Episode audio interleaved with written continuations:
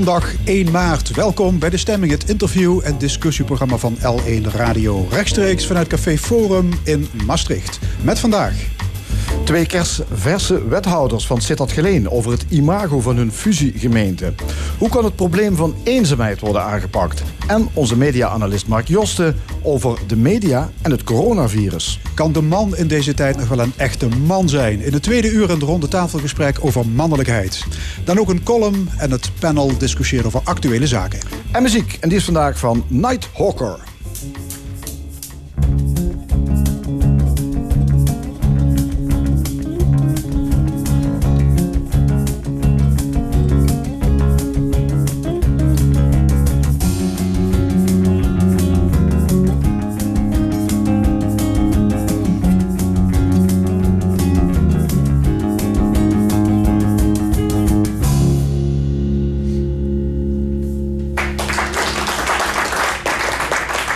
De gemeente Sittard-Geleen verkeerde meer dan een half jaar in een politieke crisis.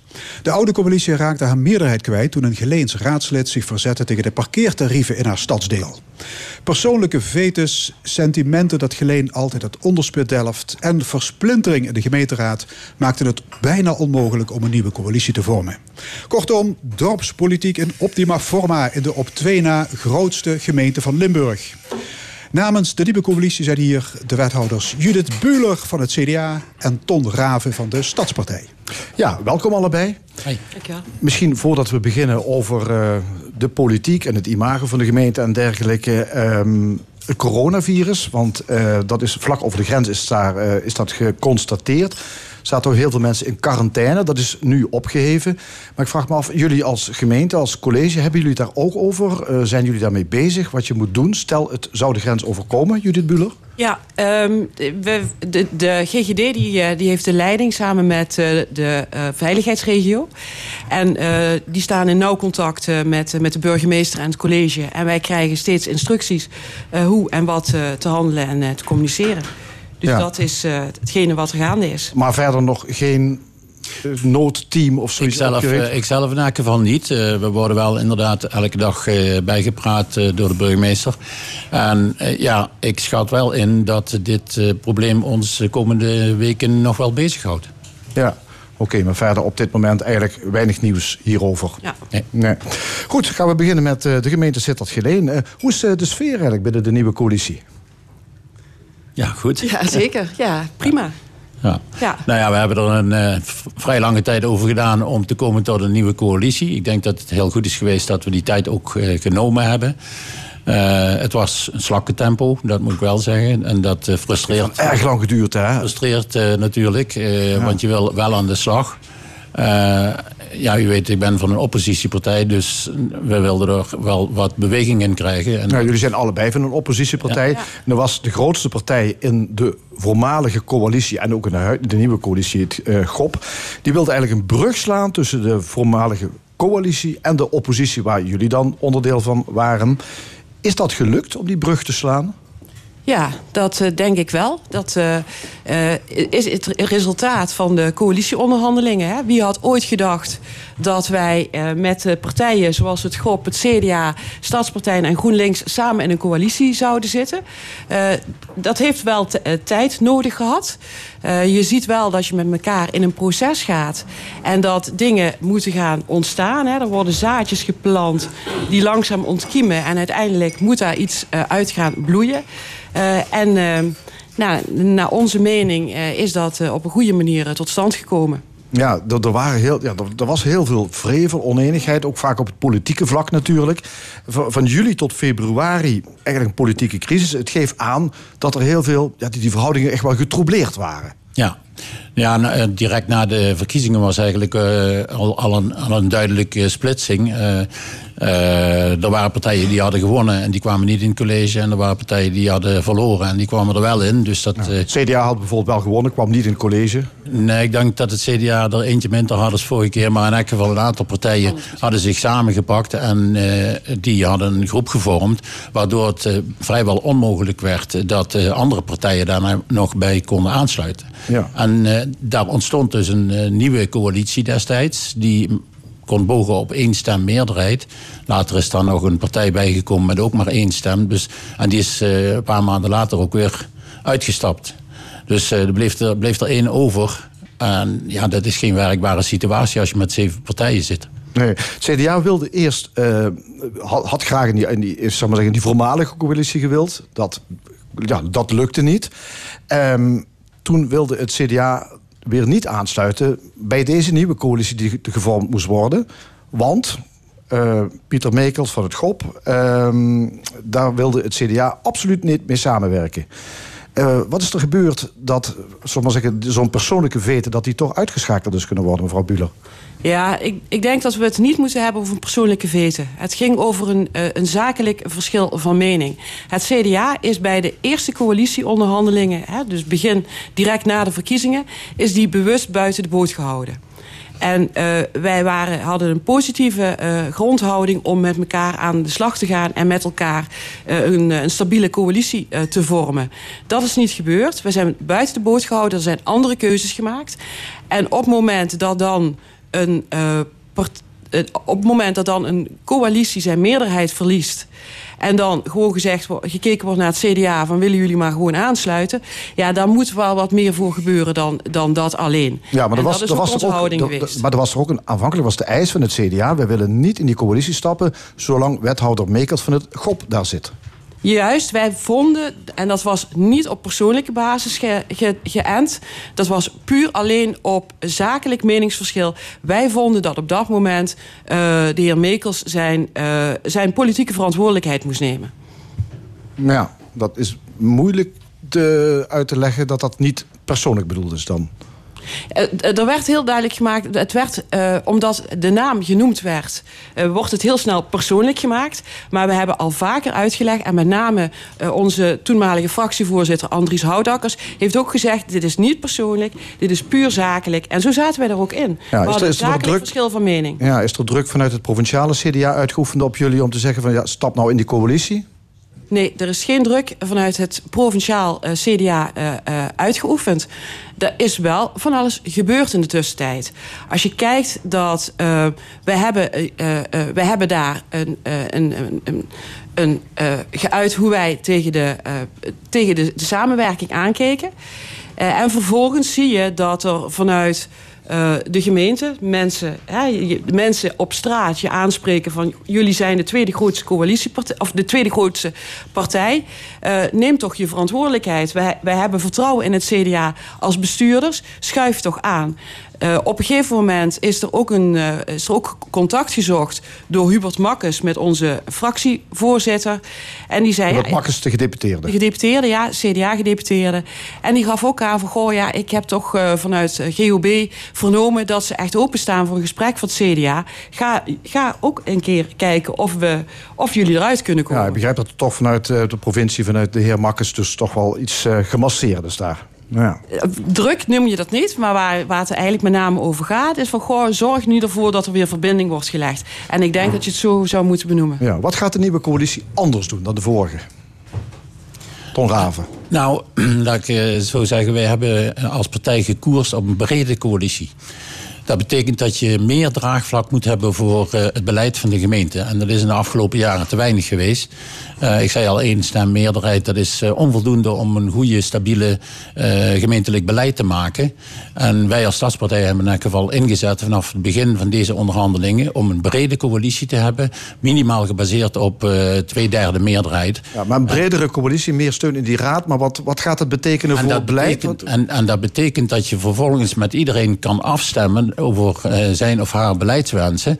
En die hebben we zoveel mogelijk meegenomen in het addendum wat op het coalitieakkoord is uh, geschreven. Ja, maar de inwoner zal vragen, wat gaat er nu anders worden? Uh, wat, uh, er zijn een paar afspraken gemaakt. Hè. Ik heb het over het addendum. Uh, daarin zijn bijvoorbeeld afspraken gemaakt over het terugdraaien van bezuinigingen. Als ik denk bijvoorbeeld aan de groenvoorziening, het groene onderhoud. Daar hebben we van afgesproken dat we die bezuinigingen in elk geval terugdraaien. Dat is ook een bezuiniging die heel slecht gevallen is onder de burgers. Dus dat is een van de dingen die, die ze gaan merken. Ja, de Dagblad de Limburg heeft onlangs een enquête gehouden over het imago van Sittard Geleen. En inwoners die zeggen er is geen eenheid in die gemeente. En ze denken ook dat het een illusie is om te denken dat Sittard, Geleen en Born ooit nader tot elkaar groeien. Hoe erg is dat, dat mensen er zo over denken, mevrouw Buller? Ja, dat, dat is iets wat al, wat, al heel lang geleden uh, zo bedacht is. We, hebben, uh, heel lang, we hebben nooit echt goed samen kunnen werken uh, als het gaat om de verschillende kernen. En um, je ziet wel dat mensen zeggen van we, vinden het wel, we zouden het wel fijn vinden om wat meer eenheid te hebben. We zouden wel fijn vinden om wat meer samen ja, maar te Mensen zeggen, maar ik geloof nooit dat het gaat gebeuren. Ja, maar de, vraag is ook, de vraag is ook wie zegt dat? En als ik kijk um, uh, naar bijvoorbeeld de generatie jongere mensen... en zeker ook de generatie van mijn kinderen die uh, zien onze gemeente al als één stad. Die gaan met elkaar om. Dan maakt er geen verschil meer uit of je uit Sittard komt of uit Geleen. Als er een leuk feest is in Sittard, fietst, heel Geleen naar Sittard en vice versa. En, uh, ik Ga, denk gaan mensen van Sittard naar Geleen naar een feestje? Jazeker. Zeker. Nou, ik, ik, ik denk dat afgelopen... Ja, afgelopen niet, hè. Ja. Geleen heeft uh, de grootste kermis van Zuid-Limburg. En dan zie je heel wat mensen uit uh, Born en uit uh, Sittard. Ja. Kijk, maar toch als je mensen gaat bevragen, nee, komt er dus een heel ander beeld uit. Ik vind dat hier en daar ook wat overdreven wordt. Chauvinisme is prima.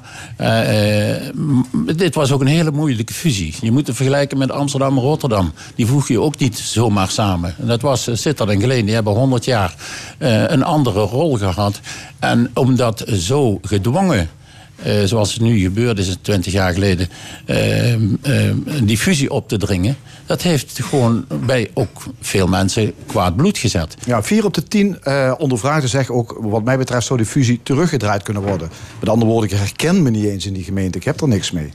Nee, ik ben geen voorstander van een brexit-discussie. Nee, nee dus maar het geeft, wel, het geeft misschien wel iets aan over hoe mensen naar die nee, we moeten, kijken. We moeten samen verder. En ik denk uh, dat het ook goed is dat we elkaar uh, nu uh, wat dieper in de ogen kijken. We gaan aan een toekomstvisie werken naar 2030 toe. waarin we een heel proces gaan uitzetten met alle maatschappelijke organisaties. Met iedereen die erbij betrokken wil worden. Om te kijken van wat, waar willen we met onze gemeente naartoe in 2030. Krijgt krijg bijvoorbeeld Geleen nou een sterkere stem in het college... nu u er als Geleense wethouder in zit? Nou ja, ik, ik probeer niet zomaar uh, vanuit mijn afkomst te redeneren. Ik probeer voor het belang van de gemeente op te komen. Ja. Dat is mijn taak als wethouder en daar, is, daar zit ik ook voor. Ja. En alles wat uh, belangrijk is voor Geleen is ook voor de stad belangrijk. En alles wat belangrijk is voor Born is ook voor de gemeente ja. belangrijk. Maar Judith Buller, het is, het is wel vaak zo dat gemeenteraadsleden zeggen allemaal op te komen... voor het belang van die complete gemeente als er gestemd wordt, zie je vaak dat er toch gekeken wordt naar welk stadsdeel kom ik vandaan en ik stem voor het belang van dat stadsdeel. Hoe kan dat na twintig jaar nog steeds? Ja, ik, ik vraag me af of dat zo is. Uh, want we hebben natuurlijk. Vorige colleges bijvoorbeeld over zo'n kwestie gevallen. Ja, maar je. je um, ik, ik, ik weet dat niet helemaal. Uh, um, maar als je. Uh, als je nu kijkt naar uh, hoe de houding is van de diverse mensen, ook binnen uh, partijen zoals, zoals bijvoorbeeld het CDA. Wij kijken, we hebben wel Geleense raadsleden. Ik kom zelf ook uit Geleen. we kijken toch echt, we proberen toch echt naar het belang van die hele gemeente te, gemeente te kijken. Um, als je het hebt bijvoorbeeld over parkeren. Dat was bijvoorbeeld een hot item in Geleen. En toen hebben we wel heel duidelijk gezegd... ja, we moeten hier wel iets mee doen. Maar we hebben ook heel uh, duidelijk gezegd, ook in die discussie... van we moeten niet alleen maar kijken naar Geleen... we moeten ook kijken naar Sittard. In die, uh, op, uh, als je het gaat hebben over die parkeertarieven. En dan heeft Sittard waarschijnlijk... Een, Sittard heeft dan een ander belang dan het belang in Geleen. En we proberen wel altijd die integraliteit af te wegen. En het komt soms over in de pers of in de media... dat er gekeken wordt dan alleen maar naar het belang van... een van, een van de twee stadsdelen...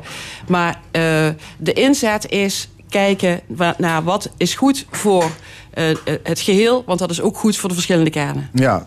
Is het misschien het probleem dat er niet echt een heel duidelijke toekomstvisie is voor die gezamenlijke gemeente? Een stip op de horizon, dat je als inwoner ook weet, daar willen wij naartoe. Ja, ik zei al, we gaan daaraan werken. Dat hebben we nadrukkelijk eh, ook in het addendum van dat coalitieakkoord opgenomen. Dat we gaan werken aan de toekomstvisie voor 2030. Er zijn nogal wat belangrijke taken voor onze gemeente. denk aan de werkgelegenheid. Wij zijn toch de smidsen van Limburg. Bij ons wordt het geld verdiend. In Maastricht wordt het uitgegeven. Jammer genoeg. Ik dacht u nog ging zeggen, geleend wordt het verdiend en zit dat uitgegeven. ja, vroeger zeiden ze dat, maar nu zijn we één. Hè? Ah, ja. Dus in die zin, kijk, eh, wij moeten ons oriënteren samen met de inwoners, met de maatschappelijke organisaties, met de bedrijven, de instellingen die daar uh, iets over willen zeggen. Hoe gaan wij naar de toekomst toe? En als je een gezamenlijk eh, punt op de horizon hebt, dan kun je ook mm, jezelf meer verenigen met het beeld van één gemeente. Ja. En, en wij hebben gezegd, van, uh, als daaruit zou, bijvoorbeeld uh, bij de Limburger, die enquête, die gaf aan dat 47% van de mensen zegt, ja, die naam die is het niet. voor mij hoeft die discussie eerlijk gezegd De naam zit dat ja. Uh, die zou nog, ja, die, dat zou misschien niet aansprekend genoeg zijn. Dus misschien moet er een andere naam komen. Wat, wat, wat, zou, wat zou dat kunnen veranderen? maar dat moet, dat moet een natuurlijk proces zijn, denk ik, vanuit die toekomstvisie. En dan zou je daar misschien een nieuwe naam in kunnen meenemen. Ja, wat, wat zou een andere naam kunnen betekenen, Judith Buller? Ja, nou ja, je, het belangrijke is dat je uh, een uh, gezamenlijke identiteit hebt. En we hebben het inderdaad, we bekijken heel is vaak... Die, maar is die naam daar belangrijk voor? Ja, ik denk, ik denk van wel. Uh, die naam uh, geeft in ieder geval aan dat je een, een gezamenlijkheid hebt. Hè. Zit dat geleen, dat zit toch nog altijd een verbindingsstreepje ja. tussen. En dat is al uh, vanuit, vanuit zichzelf al een tegenstelling. Wat, wat zou het voor u mogen worden? Ik heb geen idee. Ik, ik, ik heb echt geen idee. En, en thuis dus, aan de keukentafel heeft u wel een idee, toch? Nee, nee, nee. Thuis aan de keukentafel praten we daar niet over. Maar... Voor mij mag het Euregio-stad worden. Ja. Wij zijn namelijk uh, het centrum tussen uh, het gebied uh, van Genk tot Heinsberg. Uh, dat is, een dat is oost-west gedacht. Tot nu toe hebben we een samenwerkingsvorm opgezocht in Zuid-Limburg met uh, Maastricht en Heerlen in Noord-Zuidrichting. Uh, wij zitten nu meer ook op het thema oost-west. En dat betekent in het gebied van Genk tot Heinsberg, daar wonen 300 tot 400.000 mensen. Sittard Geleen is daar zeg maar de kern van. En Sittard zou zich veel meer op het Duitse achterland kunnen richten als het gaat over economie, over koopstad, over toerisme. Ja. En Geleen zou zich wat dat betreft veel meer kunnen enten op, uh, op België. Zoals u weet, uh, Sittard Geleen is eigenlijk de enige stad in Nederland die twee landsgrenzen heeft. Ja, dat doen nou, we dat zou in die naam tot uitdrukking kunnen komen. Dat zou je in die ja. naam tot uitdrukking kunnen komen. Oké, de nieuwe burgemeester begint 17 maart. Dus dat is al heel snel. Kan die nog iets betekenen voor die eenheid? Ik denk het zeker. Ja, denk ik ook. Ja, zeker. De, de, burgemeester eh, is, is, denk ik de trekker van het proces van, uh, van de toekomstvisie. Dus daar uh, moet hij iedereen voor enthousiasmeren. En, uh, alle, alle, ogen zijn op, alle, alle, ogen zijn op hem gericht. Ja. Oké, okay. dank jullie wel. Wethouder Judith Buller van het CDA en wethouder Ton Raven van de Stadspartij. Dank je wel. Merci. En zometeen in de stemming onze media-analyst Mark Josten over de berichtgeving over het coronavirus. Maar eerst muziek. Ik sta uh, op het podium bij Steven van der Vecht van de popgroep Nighthawker. Steven, wat voor muziek maken jullie? Uh, retro rock. Dus eigenlijk een beetje de term, dat is een mix van, van blues, roots, classic rock, maar we noemen dat eigenlijk gewoon retro rock. Beetje en, en door wie zijn jullie geïnspireerd? Um, Led Zeppelin, Fleetwood Mac, Allman Brothers, Crosby, Stills, Nash Young, dat straatje. Dus jullie halen de mosterd uit de jaren 70. Toen waren jullie nog lang niet geboren. Hoe komen jullie, waar kennen jullie de muziek van? Uh, ik denk de platenkast van onze ouders. Ik was er al bang voor. ja, maar het was wel een goede opvoeding dan. Gelukkig blijven hangen. Hey, jullie zijn met z'n vieren. Uh, de helft is vrouw. Dat zie je niet zo vaak hè? in de, in de rock and roll. Nee, zeker niet. Zeker niet als ze instrumenten spelen. Meestal is het of een zangeres, maar we hebben een gitarist en een drumster. Dus dat is wel uniek in het genre. Hoe bevalt het? Goed prima. hey, Nighthawker bestaat twee jaar. En deze maand presenteren jullie de eerste langspeelplaat, het eerste album. Vertel. Uh, ja, we hebben afgelopen zomer uh, ons debuutalbum opgenomen. Die komt op vinyl uit. En op 20 maart een nieuwe nacht, dan pakken we uit met een grote show. Met gastmuzikanten en nog een paar andere acts. En uh, ja, daar willen we natuurlijk echt iets stofs van gaan maken. Ja, maar je zei, de plaat komt uit op vinyl. Dat hoort bij jullie retro rockers. Ja, precies. De uh, enige fysieke versie is op vinyl. En verder komt hij wel op Spotify en dergelijke. Maar fysiek enkel op vinyl. En, maar ook dus op de verschillende streamingdiensten. Goed, de LP-presentatie is dus op 20 maart in Poppodium de Nog, de Nieuwe Nog in Heerlen. Maar eerst gaan jullie spelen hier in de stemming. Steven, wat wordt het eerste nummer? Uh, Hardworking Man. Oké, zet hem op. Hier is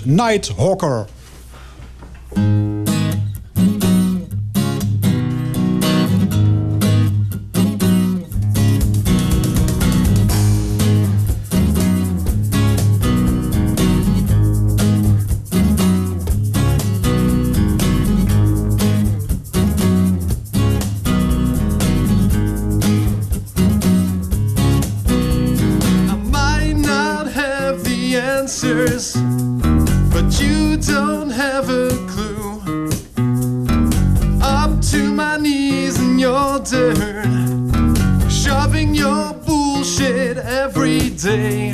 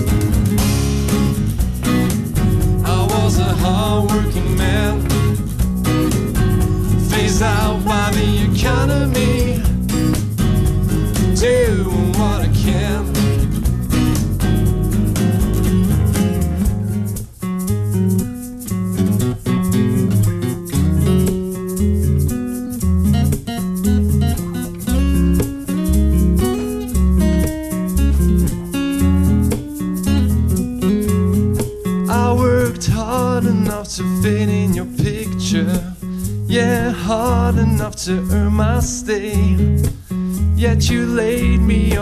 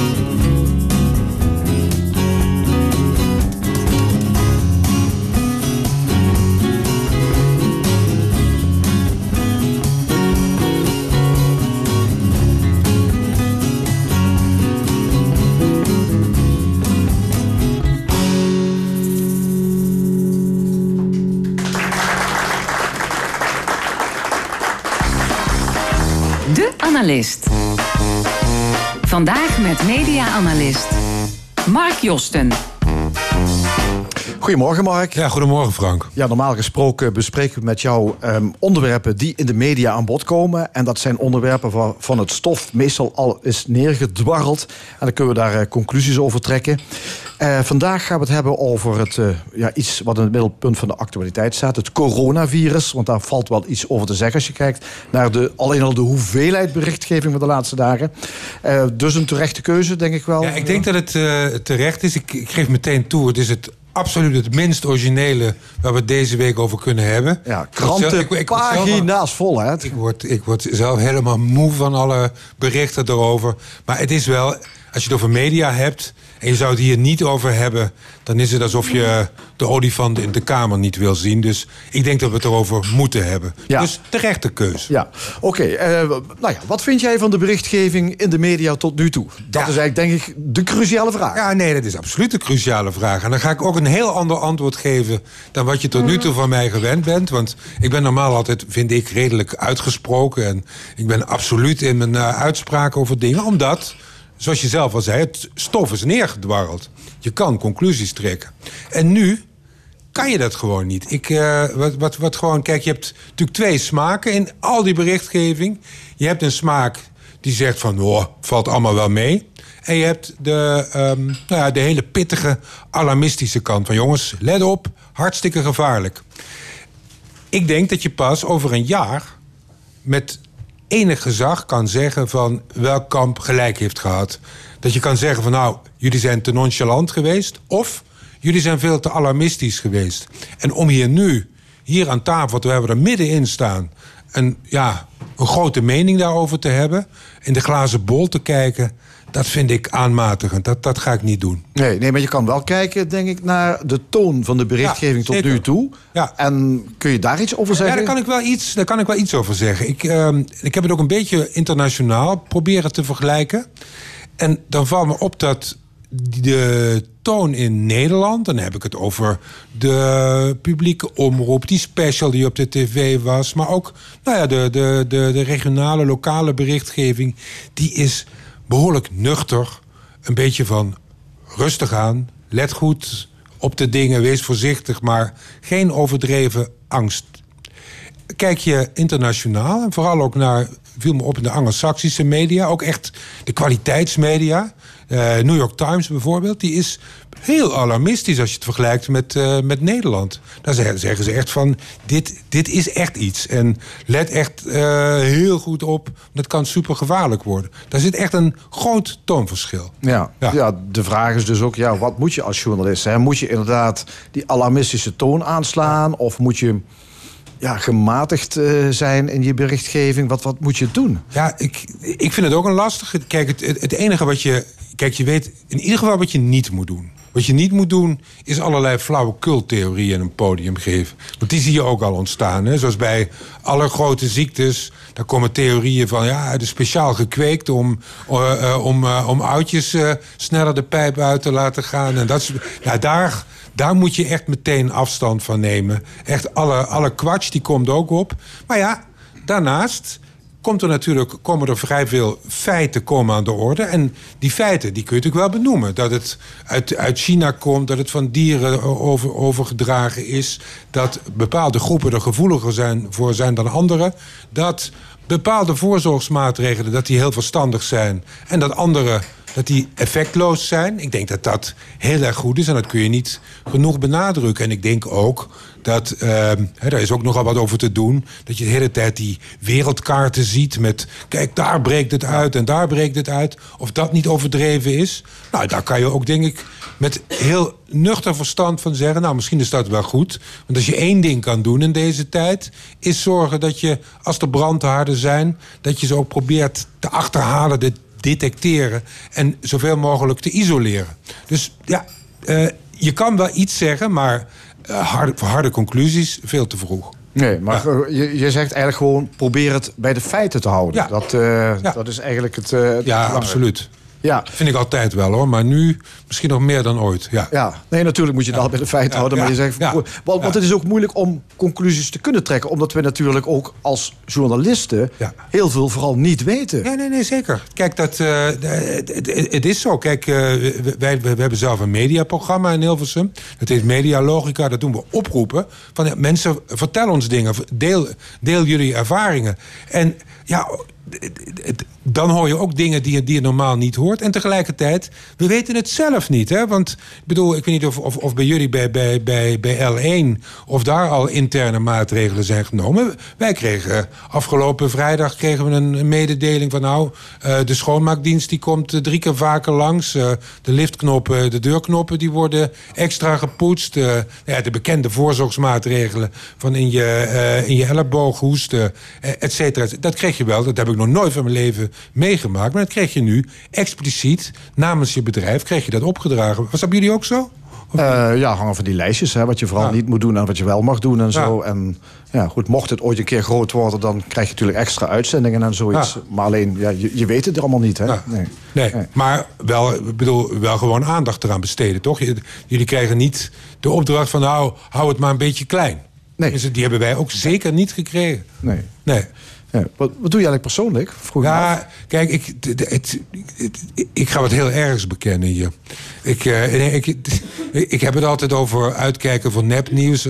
Allemaal flauwekul en zo. En ik ben er zelf in gestonken. Ik heb... eh, ja, ik, ik schaam me er echt wel een beetje voor. Maar ik heb eh, vorige week, vo- voordat het echt uitbrak... ik dacht, ik ga even slim zijn. Ik ga even twee mondkapjes bestellen. nou ja, jullie weten inmiddels wat er allemaal over die mondkapjes is verteld. Dat dat de grootst mogelijke onzin is. Maar eh, eh, ik verwacht binnenkort een eh courier van bol.com aan de deur. Ja, Ook dat van AliExpress. ja zoiets. Ja. Nou ja, dus eh, nee... Het, het, Maar, Mark, hoe komt ja. dat dat jij die mondkapjes hebt besteld? Nou ja, ik, ik, kijk, ik, ben ik, een ik, beetje ik ben, ik ben voor mezelf... gealarmeerd geraakt Ja, door de nee, hoeveelheid berichtgeving? Nou, zei die berichtgeving is wel feitelijk in Nederland, Ja. maar het is wel van een gigantische omvang. nou, Is, krijg je dan niet automatisch toch iets alarmistisch? Nou, maar, ik, ja, maar dat alarmistische, dat, dat zit ook wel een beetje in mezelf. Kijk, als, als ik op een bepaald moment de, eh, ook nuchtere, in de nuchtere berichtgeving hoor... dat ehm, bij deze uitbraak, dat die toch wel echt boven de zware griep zit. Hè, de, de, mortaliteit 2,4. eh, dus op van, de, van alle... alle ziektegevallen is de kans dat, eh, dat je dan overlijdt meer dan 2%. Dat ligt beduidend boven een gemiddelde zware griep. Nou, dat vind ik, dat vind ik een feit waar ik... Nee, ik, ik, zeggen, ik word daar niet bang van. Ik ga, ik ga niet, bij de griepgolf van twee jaar geleden zijn 9.500 mensen overleden Zeker, in Nederland. Zeker, hè? zeker, zeker. Dat zijn andere Ja, aantallen. nee, ja, nee, maar klopt. Maar dat, dat was aan het eind, hè, toen je het helemaal kon overzien. Nu zit je natuurlijk aan In het begin, van ja, iets. klopt. En nee, ik, ik, ik, ik, ik denk echt dat, het, dat we met een serieus iets te maken hebben. Dus persoonlijk dacht ik van ja, ik ga niet in de kelder zitten. Maar het is, ik vind het wel handig dat ik, eh, dat ik nog een paar potten bonen in de kast heb staan. En eh, eh, nou ja, die mondkapjes is dan flauwekul. Maar enige voorzorg, dat vind Nou, ik voor mijzelf. Hè, dus heb, heb Vind, ik vind ik interessant, want jij, Ja. jij maakt mediaprogramma's, jij kijkt naar de feiten, jij kijkt naar hoe mensen dat interpreteren. En je zegt, ik sla eh, toch wel extra voedsel ook nog wel in. Er staan wat bonen in de kast en wat, wat blikken Ja, soep. ho, ho, moet je goed luisteren wat ik zei. Ik heb altijd wel. eh, ik was nu blij dat ik die blikken bonen. Nee, maar je hebt nu meer gekocht. Nee, ik heb niet. Ik heb, ik, ja, nee, ik heb, eh, ik, ik- ik- nee, ik heb niet meer gekocht. Maar die mondkapjes, dat, dat, dat verwijder ik mezelf wel. Maar hoe kan het dan dat jij als goed geïnformeerde ja, programmamaker Ja. toch... Ja, maar- Hij is bang gemaakt. Nee, nee, veel te veel gelezen nee, over die corona. en kranten en televisie en radio. Je bent helemaal gehersenspoeld. Ah, Oké, oké, oké. Kijk, ik, ik, wat ik in het begin zei, ik zit te zoeken tussen die twee uitersten: alarmistisch en relativerend, badinerend. En ik zit daar zelf zit daar behoorlijk tussenin. Ik denk echt dat het iets is. Dus ik vind enige voorzorg vind ik eh, niet stom. En dat vind ik ook niet dat je dan laat verleiden door een of andere maffe hype. Want dat even om het goed vast. Het is geen maffe hype. Het is geen onzin. Dat, dat, kun je nu al zeggen. Zoals je ook kan zeggen dat het nog niet. eh, het, het is niet eh, de zondvloed die over de aarde Nee, is. het is nog niet de Spaanse griep. Hè? Het is nog niet de Spaanse griep. Nee, maar er zijn wel natuurlijk. Het, het, in het allerergste geval zou het iets van die omvang kunnen worden. Maar dan zeg ik het heel er zijn voorzichtig. 100 miljoen slachtoffers bijna gevallen in 1918. Ja, en 100 dat- miljoen hè, wereldwijd. Ja, nou ja, da- dat is wel... En je ziet al het parallel met. Nou ja, met die, vooral de, de, de, de Anglo-Saxische inclusief de New York Times, die zeggen, daar moet je wel voor uitkijken. En die, en die wijzen ook op de historische parallel. Hè. Die zeggen van, luister, eh, in, toen was ook in het voorjaar brak het uit.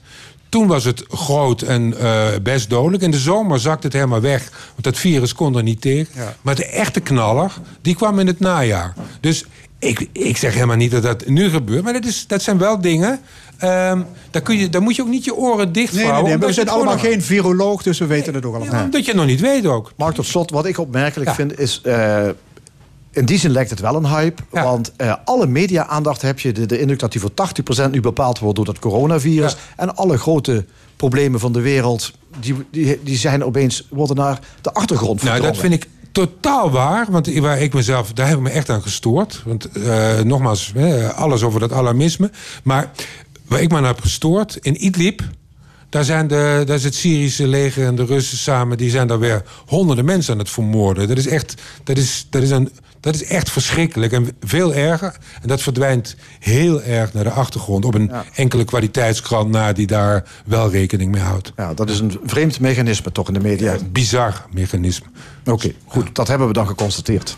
En, Ja. nu, en nu allemaal 20 seconden de handen wassen. Ik ga het nu doen. Ja, Mark Josten, dankjewel. U luistert naar L1 Radio, meer speciaal naar de stemming.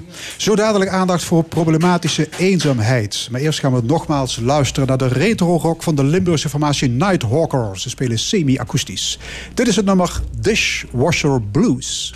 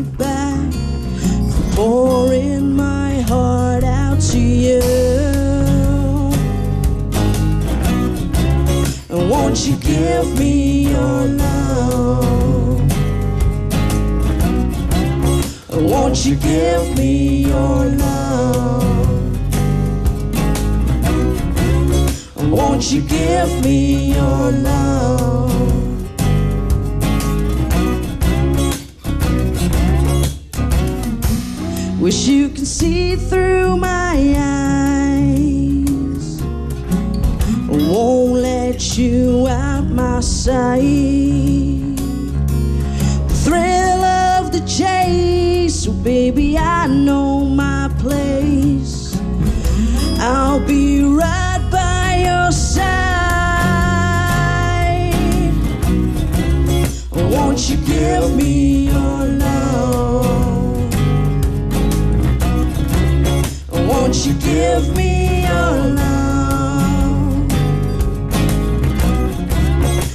Won't you give me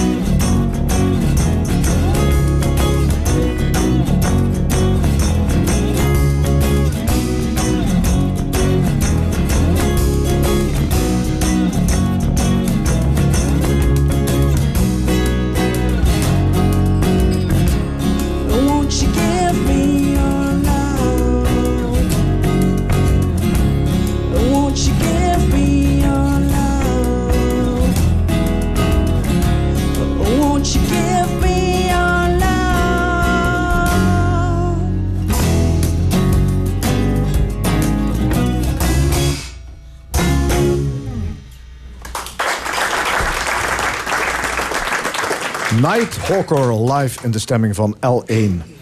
Eenzaamheid is een groot sociaal probleem. En met de vergrijzing wordt het alleen maar erger. Daarom hebben acht Limburgse organisaties onlangs de handen in elkaar geslagen om eenzaamheid onder, met name onder ouderen aan te pakken. De vraag is: valt eenzaamheid eigenlijk wel te bestrijden? En zo ja, hoe? En wat is het eigenlijk? En wat zijn de gevolgen? Aan tafel Arjan Bos, hoogleraar psychologie aan de Open Universiteit. En Ron van der Spoel, initiatiefnemer van een inloophuis in Maastricht. Heren, goedemorgen. Goedemorgen. Ja, eenzaamheid neemt toe. Uh, Arjan Bos, is vergrijzing inderdaad de hoofdoorzaak? Uh, ja, vergrijzing is zeker uh, een oorzaak. Tenminste, bij ouderen zien we dat de uh, sterke eenzaamheid het grootst is. Mensen die boven de 85 zijn, die hebben veel meer sterke eenzaamheid dan mensen die jonger zijn dan 85. Het is niet zo dat we te maken hebben met een eenzaamheidsepidemie. Je zou denken dat het de laatste 20 jaar veel erger is geworden. Maar het blijkt juist dat op zich onder de ouderen de eenzaamheid licht gedaald is. Maar omdat we vergrijzing hebben, zijn er veel meer ouderen. Dus hebben we een groter maatschappelijk probleem. We hebben meer mensen in de absolute zin. Eenzame ouderen die ja, in een eentje achter de geraniums wegpieteren. Ja, dat zou je ja. kunnen zeggen. Uh, ja, 10% van de volwassen Nederlanders uh, ervaart eenzaamheid. Dat zijn er ruim 1 miljoen. Ron van der Spoel, u bent predikant. Schrikt ja. u van dat cijfer? 1 miljoen ja, Nederlanders. Ja, bedoel, dat betekent dus dat, uh, dat je op, op straat rondloopt en weet dat uh, de mensen die je tegenkomt, dat er één op de zoveel uh, eenzaam is. En eenzaam betekent ook wel echt, dat heeft, het is een woord, maar er zit een hele wereld achter. Hè? Mensen die dus ja, gewoon geen sociale omgeving hebben, hun verhaal niet kwijt kunnen, ja, tegen de plant of tegen de poes praten, maar gewoon ergens diep van binnen een soort groot gat voelen van hé, hey, ik heb eigenlijk niemand die om mij geeft, niemand die van me houdt. Ja, dat is verschrikkelijk. Dus ik, ik spreek die mensen bij ons in het inloopcentrum en ja, als je dan hun verhaal hoort, ze zien eruit zoals jij en ik. Hè? Dus je zou ze er niet uitpikken op straat. Maar dan komen ze binnen en dan vertellen ze hun verhaal. En dan denk je, jongen, wat een, wat een drama's uh, spelen zich achter voordeuren af. Ja, het zijn vooral jongeren, maar het schijnt dat tegenwoordig ook veel jongeren last hebben van eenzaamheid. Dus die gevoelens... Ja? Het zijn vooral ouderen. Nee, maar het zijn ook jongeren tegenwoordig die daar ja, ook last van hebben. Ja, ja. Het okay. zijn ook, ook, ook jongeren. We hebben ook onderzoek gedaan naar uh, hbo'ers en eenzaamheid op, uh, onder hbo-studenten. En dan blijkt ook dat eenzaamheid daar veelvuldig voorkomt. En ook samenhangt met burn-out verschijnselen. Dus ook bij andere doelgroepen dan alleen ouderen komt het voor. Maar als je over de hele linie kijkt, uh, is het bij heel, heel ouderen, 85-plussers, is het wel een echt groter probleem. Hmm. U bent hoogleraar klinische psychologie. kunt u uitleggen wat eenzaamheid eigenlijk is? Ja, uh, mensen die eenzaam zijn, die ervaren een uh, verschil, een discrepantie tussen de feitelijke sociale relaties die ze hebben en de gewenste sociale relaties. Dus ze wensen zeg maar, betere of meer sociale relaties dan dat ze op dat moment hebben. En dat is een subjectief gevoel. Dus mensen, uh, dat kan verschillen per een individu. Wat de een die kan net zoveel relaties hebben, maar dan toch zich eenzaam voelen en de ander niet. Dus het is een persoonlijk gevoel. Ja, zijn er ook verschillende soorten eenzaamheid? ja, je hebt sociale eenzaamheid en emotionele eenzaamheid. En bij emotionele eenzaamheid mis je eigenlijk een partner of een, uh, ja, een hartsvriend of vriendin. Uh, en bij sociale eenzaamheid heb je eigenlijk een tekort aan uh, ja, sociaal netwerk om je heen. Dus als bijvoorbeeld je partner overlijdt, dan ervaar je meer emotionele eenzaamheid. Terwijl als je weinig mensen om je heen hebt en helemaal in sociaal isolement hebt, is het meer sociale eenzaamheid. Ja, je hebt natuurlijk ook mensen die heel graag solitair leven. Hè? Ja. En die geen last hebben van die gevoelens. Ja. De Engelsen hebben er twee termen voor. Hè? Ja. Solitude en loneliness. loneliness. Ja. En je moet ook, hebben wij niet, hè? Nou ja, je, je hebt wel alleen en uh, eenzaam. En dat zijn wel twee verschillende begrippen. Dus niet iedereen die alleen is, is ook eenzaam en omgekeerd. Ja.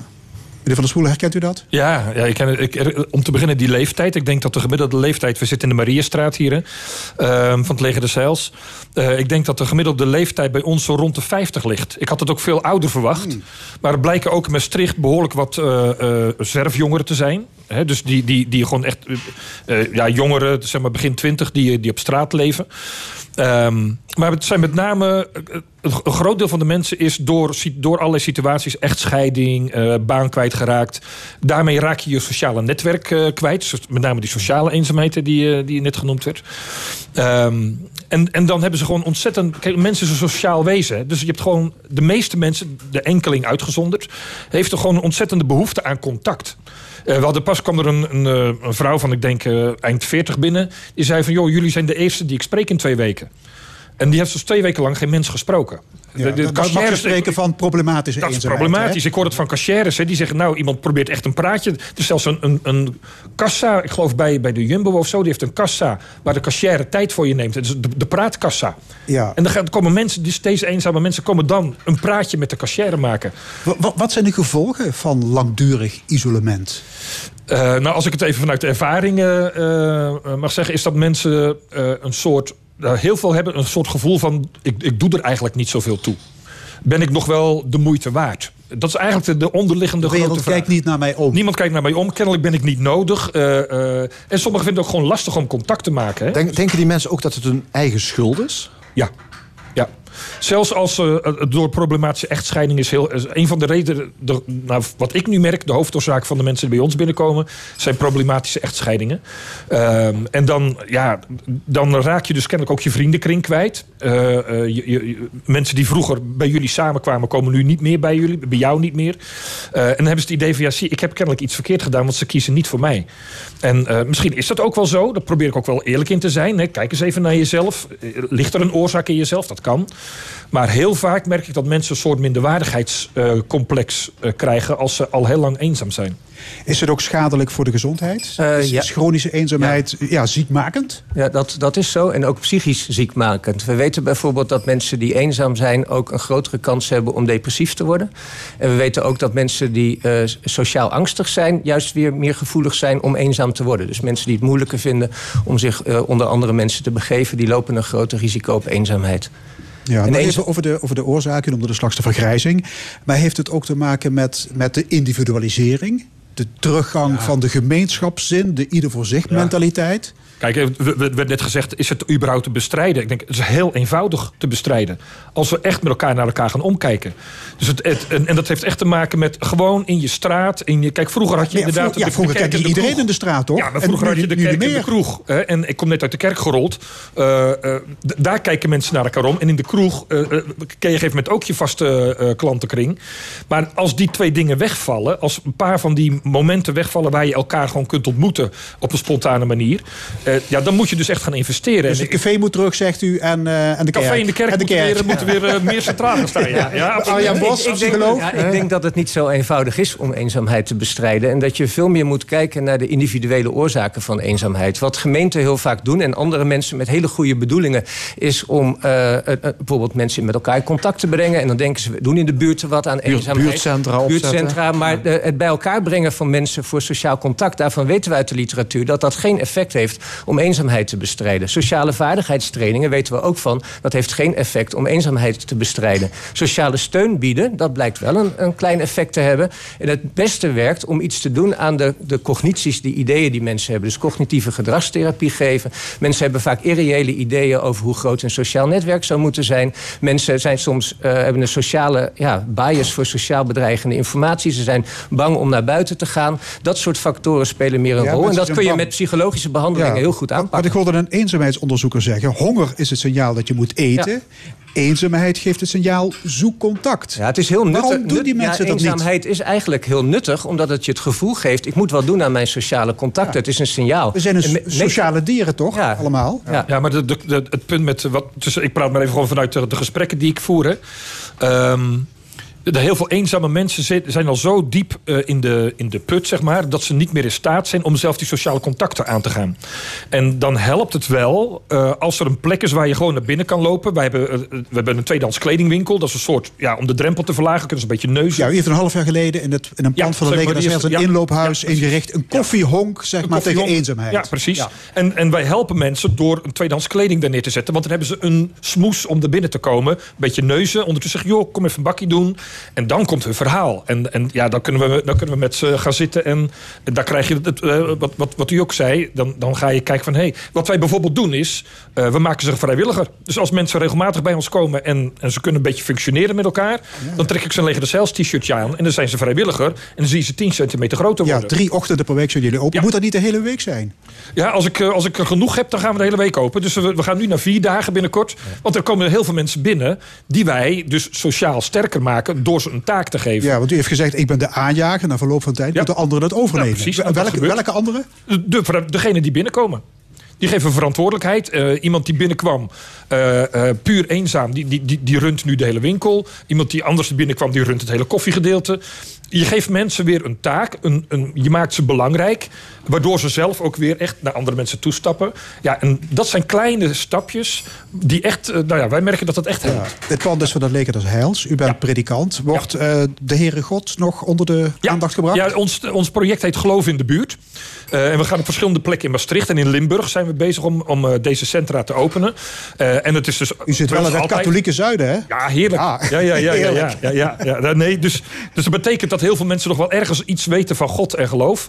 En eh, als mensen daarnaar vragen, het is niet zo dat wij zeggen, nou je moet gaan geloven of zo. Maar als mensen daarnaar vragen. Hè, kijk, toen ik hier begon, vroeg ik aan een, een officier van het leger des Heils, hoe werkt dat dan, zo'n inloopcentrum? Want ik had gewoon parochies gehad.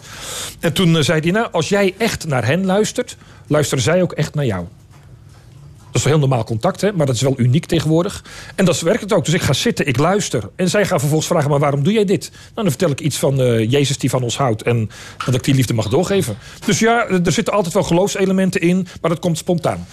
Arjan Bos, de overheid is begonnen met een campagne. Eén Ja. tegen eenzaamheid. Eh, Limburg lanceerde vorige week Ja, hè, het, het aanvalsplan Samen tegen Ja. eenzaamheid.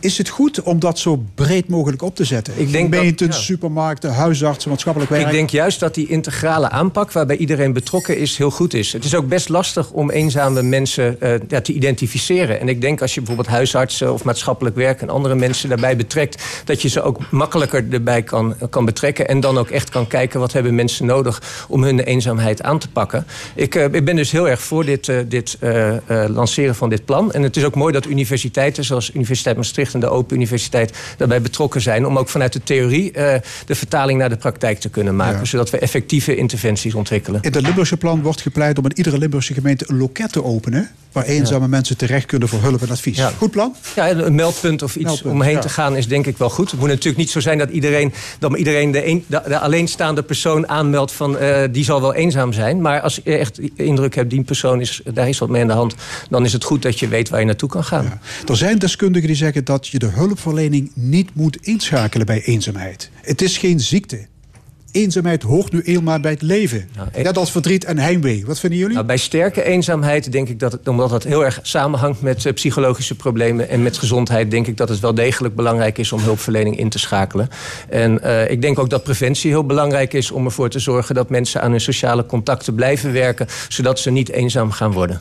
Ron van der Spoel? Ja, ik, ik, ik, ehm, ik vind, het, het- je kan wel zeggen het hoort erbij, maar als iemand eh, eh, eh, een gebroken been heeft, dan ga je hem ook helpen. Als iemand een gebroken, een gebroken hart heeft of een gebroken ziel heeft, dan ga je hem ook helpen. Maar Ah, het hoeft Jezus niet, Christus al- was ook eenzaam toen hij stierf op Golgotha. aan Ja, precies. Dus daarom weten we heel goed hoe dat voelt. Hè? En, en daarom denk ik dat je erg naast mensen kan gaan staan. En ik denk dat het belangrijk is dat er dus heel veel van die plekken zijn waar mensen. Je, moet niet, je hoeft niet gelijk hele zware hulpverlening erop te zetten. Je moet het ook weer niet problematiseren. Maar het is wel voor de mensen zelf die het te, die het te maken hebben, is het vaak heel ernstig. Die, die, die voelen zich heel verloren.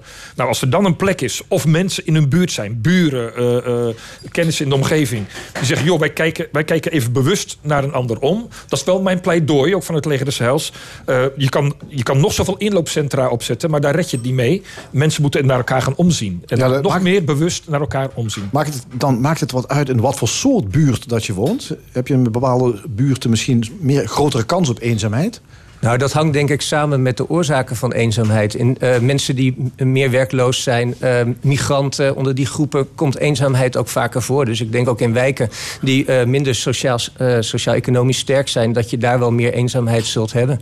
Maar dat heeft dan meer met de problemen te maken waar mensen dan daartegen aanlopen. En, eh, ja, en daar zou je dan wat meer op kunnen toespitsen. Ja, ik ben nog lang niet klaar met onderzoek naar eenzaamheid. Als Nee, wetenschapper, dat blijft... Ja, het is belangrijk om dat te doen en daar blijven we gewoon eh, mee voortgaan. Ja, meneer Van der Spoel, eh, wa- waarom doet u dit werk?